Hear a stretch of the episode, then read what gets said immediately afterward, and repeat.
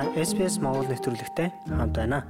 Австралид нас баралтын тэргүүлэх шалтгаан нь зүрх судасны шигдээс болж байна.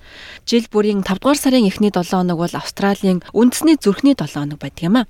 Зүрх судасны шигдээс нас баралтын тэргүүлэх шалтгаан болж байгаа тул Виктор Чангийн зүрхний судалгааны хүрээлэн New South Wales мужид даяар үн төлбөрийн үзлэг зохион байгуулж байна. Мелтон Смит 8 жилийн өмнө зүрхний шигдээсээр нас барахдаа дөнгөж 46 настай байжээ. Түүний эхнэр Никол эмгэнэлт өдрийг инхүү дурсаж байна. Uh, Энэ бол жирийн л нэг өдөр байсан. 5 дугаар сарын цэлмэг өглөө Мелтон ажилдаа бэлдэж шүршүүрт орж цамцаа эндүүдэх гэж залгасан байсан юм. Ажилдаа явхад бараг бэлэн болсныхан дараа угаалгын өрөөнөөс нэг чимээ гарахыг нь сонслоо. Тэнд очиход аль хэдийн оройтсан байсан. And by the time I got there it was already too late. Түүний том хүүхэд Ноа 9 настай байжээ. Normally I'd go up and get like get out. Ер нь би сэрээд орноосоо босч аавда өглөөний мэд гэж хэлдэг. Харин тэр өглөө тэгээгүй. Би орондоо хөвтөд үргэлжлүүлэн уншихаар шийдсэн юм. Гэвч би үндэ дандаа харамс. That is something that I always will regret. Түүнийг зүрхний шигдээсээр өвдөх өндөр эрсдэлтэй гэж үзэж байгаагүй гэж эхнэр нь ярьж байна. He cycled uh, almost every day Тэр бараг өдөр бүр дугуундаг 45 нас хүртлээр яг би тоглосон. Маш сайн хоололдог, маш сайн алхдаг, хүүхдүүдтэйгээ их гүйдэг, байнга серфинг хийдэг байсан. ran around with the kids a lot, surfed a lot. Гэвч зүрхний шигдээс хэнэгч ялгадаггүй гэж зүрх судасны эмч Джейсон Ковачич ярьж байна. Энэ нь эрүүл чирэг бие балдартай хүмүүст тохиож болцгүй юм. Тиймээс GP-д үзлэгт хамрагдаж эрсдэлт хүчин зүйлийг анхаарч үзэх нь манай нийгэмдэх хүн бүрийн хамгийн чухал зүйл юм а.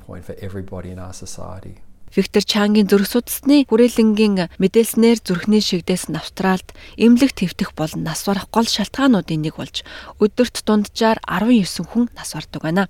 Жил бүр ойролцоогоор 57 мянган австралчууд зүрхний шигдээс өвчнөөр өвчлөж байна. Харин 430 гаруй мянган австралчууд амьдралынхаа туршид зүрхний шигдээсээр хизээ нэгэн цагт өвчлөж байсан байдаг. Үүнтэй тэмцэхийн тулд тус хүрээлэн эх 2 сарын хугацаанд шинэ өмнөд байсан мужийн 15 байрлалд зүрхний эрүүл мэндийн үзлэгийг үн төлбөргүй зохион байгуулж байна.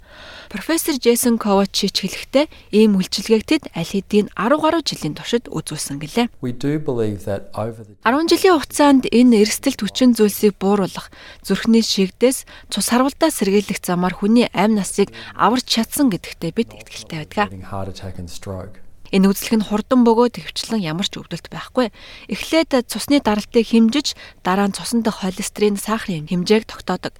Ингээд 5 минут хүрэхгүй хугацааны дараа та GP-ийн эмчтэйгээ уулзаж, нэмэлт шинжилгээ хийлгэх шаардлагатай эсхийг тань хэлж өгнө. Виктор Чангийн зүрх судалгааны хүрээлэнгийн Анастасия Домнос хэлэхдээ үр дүнд нь олон хүний амьдралыг өөрчилсөн гэлээ. At least like 35% of the people that we test Бидний шинжилгээнд хамрагдсан хүмүүсийн дор хаяж 35% нь GP-ийн эмч нартай хандах хэрэгтэй гэсэн дүн гардаг. Энэ нь тэдний эрүүл мэндэд анхаарах хэрэгтэй гэсэн үг бөгөөд энэ нь нэлээд өндөр тоём. За үнэн дээр ковидоос хойш бид 45-аас 50 орчим хувь нь болж өсөж байгааг харж байна. Drastically to around 45 to 50%. Никол Смит хэлэхдээ боломжтой бол хүн бүр шинжилгээ хийлгэх хэрэгтэй гэж байна. Take the opportunity. Энэ боломжийг ашиглаад зүрхнийхээ эрүүл мэндийг шалгуулаарай. Учир нь бидэн шиг зүйл болохыг бид хизээч мэдэхгүй шүү дээ. end up being us. Үүнтэй адилхан бусад нэвтрүүлгийг сонсомоор байна уу? Apple Podcast, Google Podcast, Spotify эсвэл та өөрийнхөө сонсдог апп ашиглан манай нэвтрүүлэгтэй хавд байгаарай.